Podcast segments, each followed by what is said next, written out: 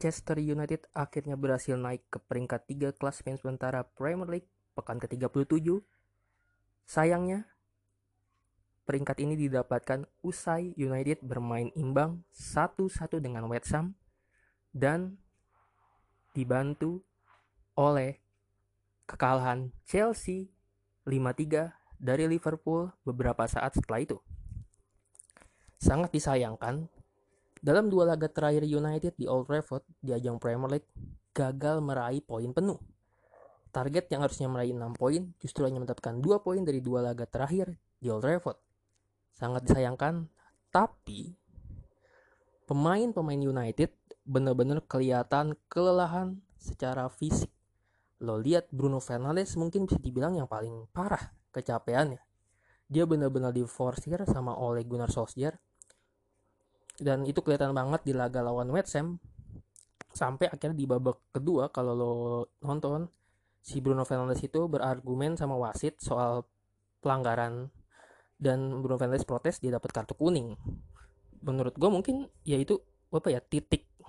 Dia udah kecapean banget mungkin secara fisik secara mental dia juga capek si Bruno Fernandes karena dia hampir bisa dipastikan kayaknya main full terus ya. Gue nggak inget kapan terakhir Bruno itu bahkan lawan Norwich pun kalau lo inget di perempat final FA Cup dia pun main saat itu dari awal Bruno Fernandes. Jadi bisa dibilang dan dia benar-benar udah kelelahan sebenarnya United di laga lawan West Ham ini yang dilatih David Moyes West Ham bermain apa di awal babak pertama tepat di menit-menit pertama itu United lakukan serangan lo banyak banget. Dan ada beberapa peluang bahkan di menit keberapa si Bruno Fernandes sempat dapat peluang di kotak penalti tapi bolanya lepas. Bagi gue mungkin itu bisa dibilang efek dari dia udah kelelahan ya. Bruno Fernandes itu udah kelelahan banget bolanya itu lepas.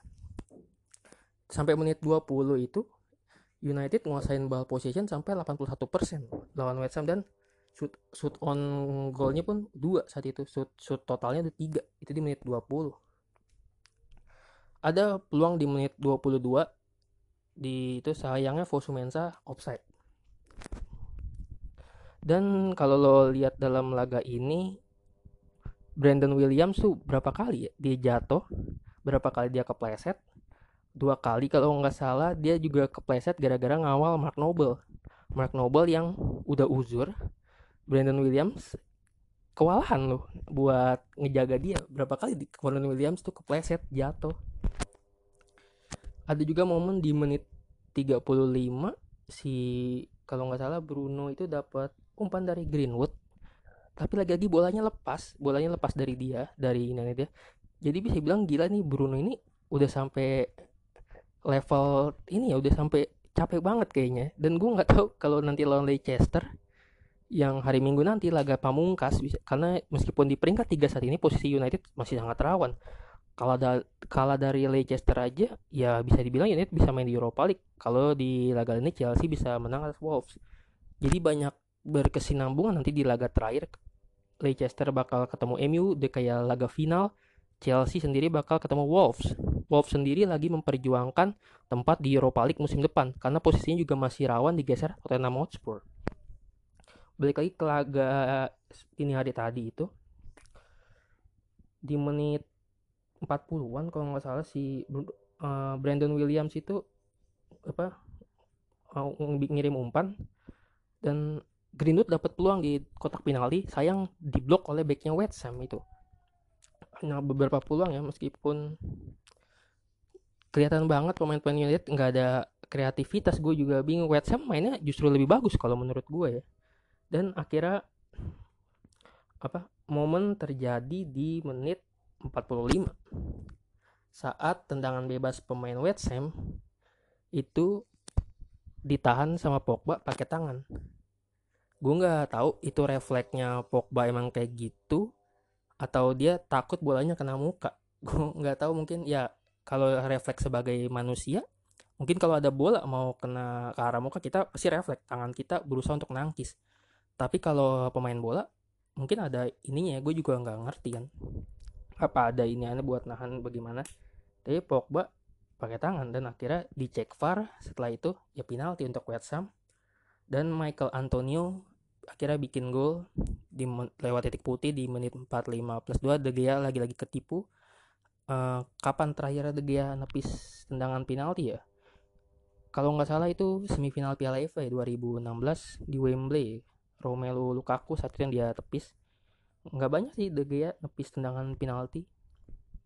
Kalau yang gue ingat justru De Gea nepis penalti itu pas menang 8-2 lawan Arsenal. Udah lama banget itu. Setelah itu gue ngeliat De Gea kapan lagi nepis penalti. Oh sama musim 2014-2015 kalau nggak salah itu penaltinya Leighton Baines di Old Trafford waktu Emi lawan Everton itu ditepis sama De Gea. Setelah itu ya pokoknya gue nggak inget lah kapan De Gea bisa. Kayaknya bisa bisa di bawah 5 akhirnya De Gea nge-save penalti selama di MU dan MU harus mengakhiri babak pertama dengan skor ketinggalan 1-0 dari West Ham. Itu kelihatan banget apa ya benar-benar udah sampai titik di mana MU kayak nggak punya kreativitas ketika Bruno Fernandes udah benar-benar capek. Mainnya pun semalam masih banyak salah passing seperti pas kayak mirip kayak lawan Chelsea cuma tidak separah pas lawan Chelsea di semifinal FA Cup itu ya.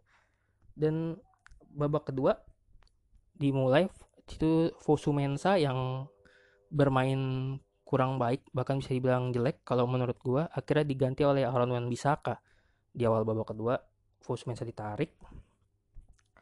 Lalu eh, Fernandes di menit 49 itu nendang dari luar kotak penalti dia dapat peluang tapi lemah tendangannya. Ditangkap sama kiper West Ham. Gampang banget itu bola. Dan akhirnya di menit 50 lewat kerjasama yang apik antara Mason Greenwood sama Brand eh Brandon William Mason Greenwood sama Anthony Martial umpan 1-2-1-2 berbuah gol yang menyamakan kedudukan jadi 1-1 ini merupakan golnya Mason Greenwood ke-17 di semua kompetisi musim ini menyamai pencapaiannya Jorbes, Brian Kidd sama Wayne Rooney. Di Wayne Rooney itu musim 2004-2005. Itu semua semua kompetisi ya total keseluruhan 17 gol masuk Greenwood dan dini hari tadi juga menjadi penampilan ke-50 Greenwood untuk Manchester United di semua kompetisi. Hmm, setelah itu kayaknya nggak banyak peluang lagi ya, sampai akhirnya di menit mulai menit 60 tuh sampai menit 85 West Ham justru yang nguasain pertandingan menurut gue pemain United benar-benar kayak orang kebingungan di lapangan. Itu West Ham justru lebih punya apa ya semangat untuk karena mereka, sendiri masih harus berjuang untuk dari zona degradasi ya. Pasti mereka pengen menang saat itu untuk menjauh dari zona degradasi karena posisinya masih rawan. Apalagi di laga sebelumnya kemarinnya itu Aston Villa menang lawan Arsenal 1-0 jadi ke kelihatan banget. Uh, pemain-pemain United ini udah apa ya kehilangan momentum sebenarnya ketika seri 2-2 lawan Soton di Old Trafford. Meskipun sempat menang lawan Palace di laga away lalu akhirnya kalah dari 3-1 Chelsea dan mungkin puncaknya lawan West Ham dan itu kelihatan banget pema pemain tuh bener-bener kayak kurang kebingungan lo kalau nonton. Itu akhirnya Marcus Rashford bener-bener nggak kelihatan. Penampilannya jelek banget di hari tadi. Akhirnya dia diganti nama Igalo. Nah pas beberapa detik setelah masuk Igalo itu dapat peluang sebenarnya. Ada umpan dari siapa ya? Wan Bisaka apa? Greenwood. Umpan dari Greenwood. Sebenarnya di belakangnya si Igalo itu ada Martial. Dan bola itu ditendang sama Igalo ngelebar. Mungkin dan Igalo sempat minta maaf ke Martial dan dia bilang kayak pakai gerakannya dibilang mungkin gak denger. Mungkin Martial minta bola itu saat itu dilepas ke dia. Tapi sama Igalo ditendang dan bolanya ngelebar. Setelah itu kayaknya ya nggak ada peluang lagi ya. Ya udah mainnya kayak udah seri kayak udah ngerasa ya udah aman aja nih gini. Ya lo bisa bayangin gimana pemain udah kelelahan kayak gini. Next match laga terakhir itu lawan Leicester City di King Power. Dan Leicester sendiri di laga terakhir itu kalah lawan Tottenham Hotspur 3-0 dan mereka terakhir kali main itu sebelum MU kick off lawan Chelsea di semifinal Piala FA. Artinya mereka punya waktu recovery sekitar seminggu sebelum laga hari Minggu nanti. Dan United baru main di hari tadi. Bisa dibayangkan kayaknya kalau urusan fisik untuk hari hari Minggu nanti Leicester pasti bakal lebih baik. Dan ini bakal jadi seperti final ya.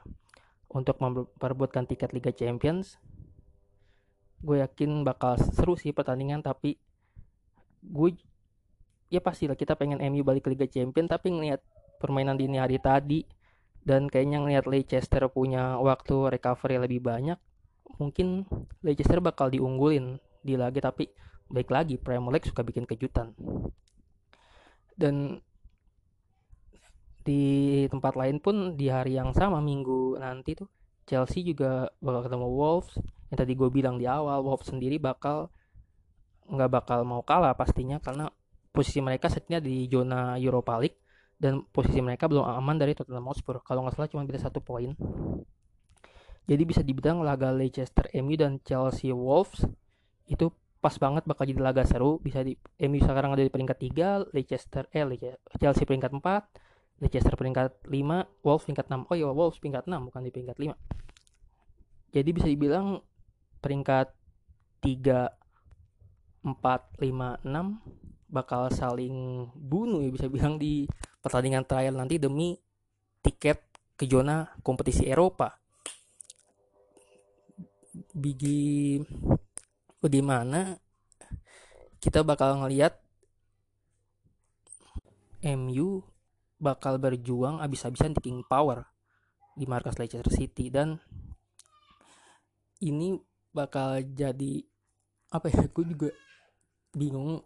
Gue tuh jujur masih kesel aja kenapa lawan West Ham itu tadi harus imbang satu-satu? Padahal kalau setidaknya bisa menang mungkin di laga berikutnya lawan Leicester itu kita bisa lebih tenang.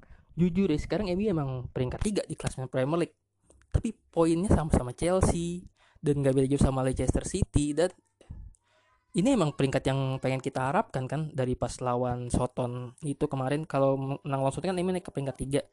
Dan akhirnya di dini hari tadi MU berhasil nih dapat peringkat ketiga. Tapi kok kita mungkin lo juga ngerasain ya ya nggak tenang lo di peringkat tiga. Justru malah nggak tenang karena laga terakhir ini bakal krusial banget dan gue bilang gue balik lagi bilang kalau Leicester kayaknya lebih siap untuk laga hari Minggu nanti secara fisik dan United terutama Bruno Fernandes sendiri itu udah kelihatan kecapean banget. Dan lu bisa bayangin gak gimana nanti hari Minggu nanti dia kalau tetap jadi starter tuh gila gue gak bisa bayangin apa iya MU harus nurunin Andreas Lindegaard atau Andreas Pereira di laga terakhir mungkin bisa jadi apa ya jimat atau apalah. Ya udahlah segitu aja dari gua maaf maaf kalau ada salah-salah kata dan nikmatin aja sekarang peringkat ketiga yang mungkin nanti di hari minggu nanti bisa bertahan atau mungkin bisa berubah ke peringkat 4 atau ke peringkat 5 lo banyak-banyak berdoa aja. Semoga MU ke Liga Champions musim depan gue berharap seperti itu. Ya udah gue pamit. I'm signing out. Bye bye